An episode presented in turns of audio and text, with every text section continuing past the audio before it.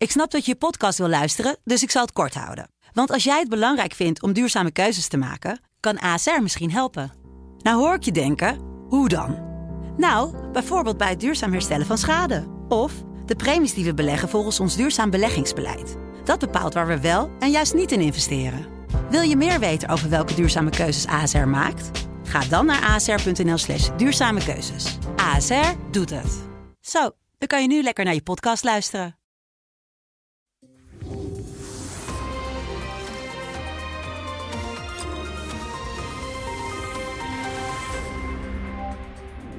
Welkom bij het gesprek met Paul Jansen, de hoofdredacteur van de Telegraaf, waarmee we wekelijks doornemen wat hem bezighoudt in het nieuws. Paul, welkom. Dankjewel. Jij wilde het hebben over eh, SMS-gate. Waarom? Nou, interessant debat uh, uh, van, van de premier in de Kamer. er komen eigenlijk een aantal dingen samen. We kennen, we kennen Rutte natuurlijk als de, de Teflon-premier, de man die altijd meebuigt en, en makkelijk meebeweegt met het sentiment in de Kamer. En er was gisteren toch even geen sprake van. Hij, hij trok een streep en zei tot hier en niet verder. Uh, het tweede wat opviel is dat de Kamer hier toch heel nadrukkelijk uh, de tijd voor nam en op inzoomde. Uh, en ook dat Vicky aan het opstoken was in een tijd waarvan je eigenlijk kan wel kan afvragen: zijn er nou niet belangrijker dossiers? Hè? Oorlog in Oekraïne, asiel en migratie, klimaat. Ja. Nou, dat was ook, ook wel een, een, een kritiekpunt wat je vaker hoorde, hoorde terugkomen. En, en wat je natuurlijk heel nadrukkelijk zag, was die, die getergde ja. premier. Dat was echt, vond ik echt opmerkelijk. Hij was het echt even zat. Gaan we even naar kijken. Ik heb gehandeld naar de wet en naar de geest van de wet. En ik zal alle vragen erover beantwoorden die u mij te stellen heeft. Uh, maar ik ga hier niet, bijvoorbeeld zoals eerder gefase in het debat, KPN vragen. Kun je nog eens al die telefoonnummers en al die uh, mensen die ooit een sms hebben gehad laten zien? Of heb je hier de volgende 30 voorbeelden wat je dan doorstuurt binnen het departement? Zo is het gegaan. Als dat vertrouwen er niet is, dan hoort dat van de Kamer. Dan ga ik andere dingen doen. En ik ga me hier ook niet uh, verantwoorden naar de Kamervoorzitter door dadelijk inzage te geven in al het sms-verkeer binnen algemene zaken of tussen mij en wat KPN nog boven water kan halen. Ik ga het gewoon niet doen. Ja. Nee, uh, we, we, zien een getergde Mark Rutte, maar wat misschien wel interessant is in deze kwestie is, uh, jij hebt lang rondgelopen in Den Haag, wie heeft eigenlijk gelijk hier? Nou, de premier. Uh, kijk, een aantal dingen. Hij, hij, hij stelt nadrukkelijk de vertrouwensvraag. Terwijl Rutte ook wel weet, de basisregel is, hij heeft, het kabinet heeft gewoon het vertrouwen van de Kamer. Tot het moment dat anders wordt uitgesproken. Dus om daar mee te gaan lopen wapperen van, een beetje uitdagen van, van kom dan, kom dan.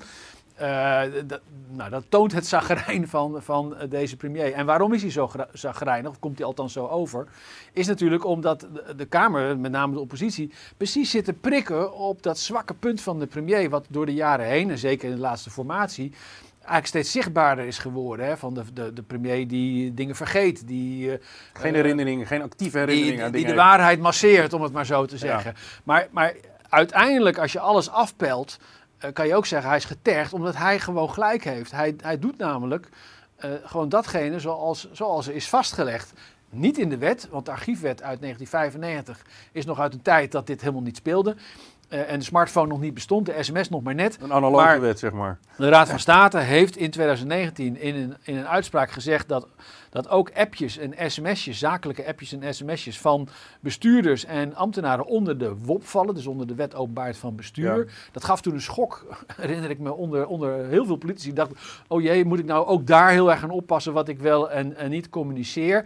Maar daarna, is op advies ook van die Raad van State een werkprotocol opgesteld. En in dat werkprotocol, wat de overheid in 2020 heeft gemaakt, staat dat, dat uh, het, het, besluit om al dan niet uh, appjes te bewaren en sms'jes te bewaren, dat moet een aantal voorwaarden voldoen. Het moet, moet over bestuurlijke zaken gaan.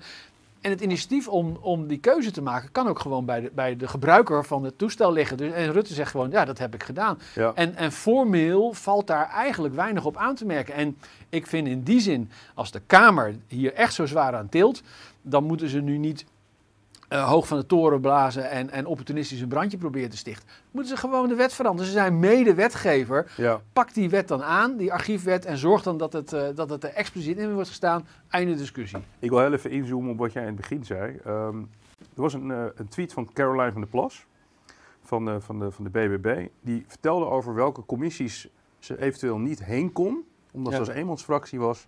Kijk, hier hebben we hem ook in beeld. Arbeidsmigratie, me dunkt, heel belangrijk dossier. Toeslagenaffaire, me dunkt, tweede keer, heel belangrijk dossier. Maar ze moet dus naar Nokia Gate toe. Ja. Ehm, volgens mij hebben we hier in een, in een notendop wel een beetje een probleem met de huidige Kamer. Eén, eenpersoonsfracties die zich niet in twee of drie of vier kunnen delen. Ja. En daarom eh, naar de, naar de eh, plekken moeten waar veel shine is, waar veel aandacht is. Ja. Dat is een probleem. Ja, dat is vooral een lastige keuze voor mevrouw van der Plas eh, in dit geval. Ja, Eh, ik, ik herinner me Rita Verdonk, die toen als eenpitter eh ook in de Kamer zat en, en een belangrijk Afghanistan-debat liet passeren omdat ze andere bezigheden had. Nou, dat is haar duur komen te staan. Dat, Ja. dat, dat werd door andere partijen heel erg weer natuurlijk gebruikt om te zeggen, hé, hey, zij verstaat haar werk niet. Maar, maar dit geeft wel niet alleen een dilemma aan, maar, maar ook eh, houdt het een beetje een spiegel voor aan de Kamer. Van, van ja, je tilt hier nu wel zwaar aan. En je kan het groot maken. Hè? Je kan zeggen, hé hey, luister, het gaat hier wel om de premier. Ja. Het gaat hier over, over transparantie, de controleerbaarheid van, van beleid en de openbaarheid van bestuur. ja. Daar moet je niet mee marchanderen of daar moet je geen grijs gebied in hebben. Of daar moet je niet eh, dagelijks eh, zelf even besluiten hoe en wat. Dat ben ik als, als, als journalist ben ik dat natuurlijk ook van harte eens. Maar tegelijkertijd moeten we gewoon wel erkennen dat dit de regels zijn. En dat Ja. dus de regels onduidelijk zijn en de regels dus kennelijk aanpassing behoeven. En, en, en nogmaals, dat mis ik, die reflectie ook in de Kamer zelf. Om eh, dan de hand in eigen boezem te steken en te zeggen: joh, misschien moeten we hier even niet zo'n nummertje van maken.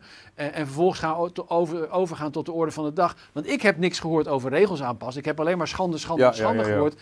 En dat is natuurlijk wel iets wat, wat, wat aan de ene kant theater hoort bij het politieke spel en, en bij de politieke arena.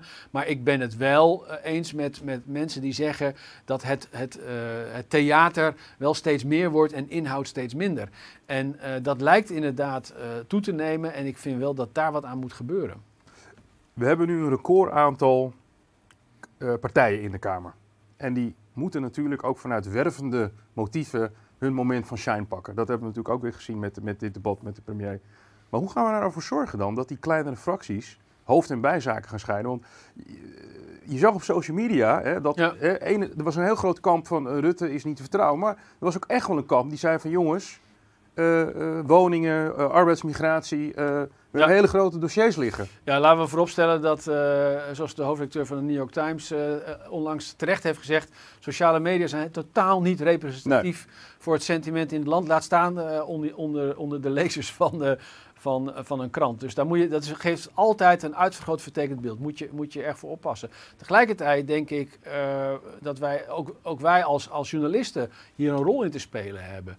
Eh, door hier natuurlijk heel veel aandacht aan, aan Ja. te besteden. Hè. En als je die, die opening in de Volkskrant eh, je herinnert van, van ah, eerder, eerder deze week, waar het Waarmee het balletje ging rollen. als een, ja, waar toch als, als een pontificale beschuldiging eh, een, een feit werd gepresenteerd.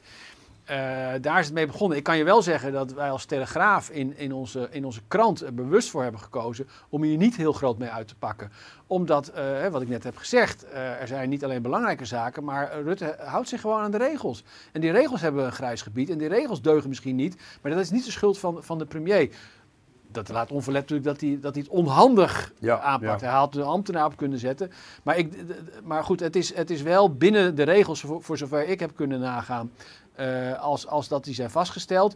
En ik denk ook dat wij als, als media eh, dan af en toe misschien even iets minder heigerig moeten zijn. En als zelfs de hoofdredacteur van de Telegraaf dat zegt, dan, eh, dan weet je het wel. Paul, dankjewel. Graag gedaan.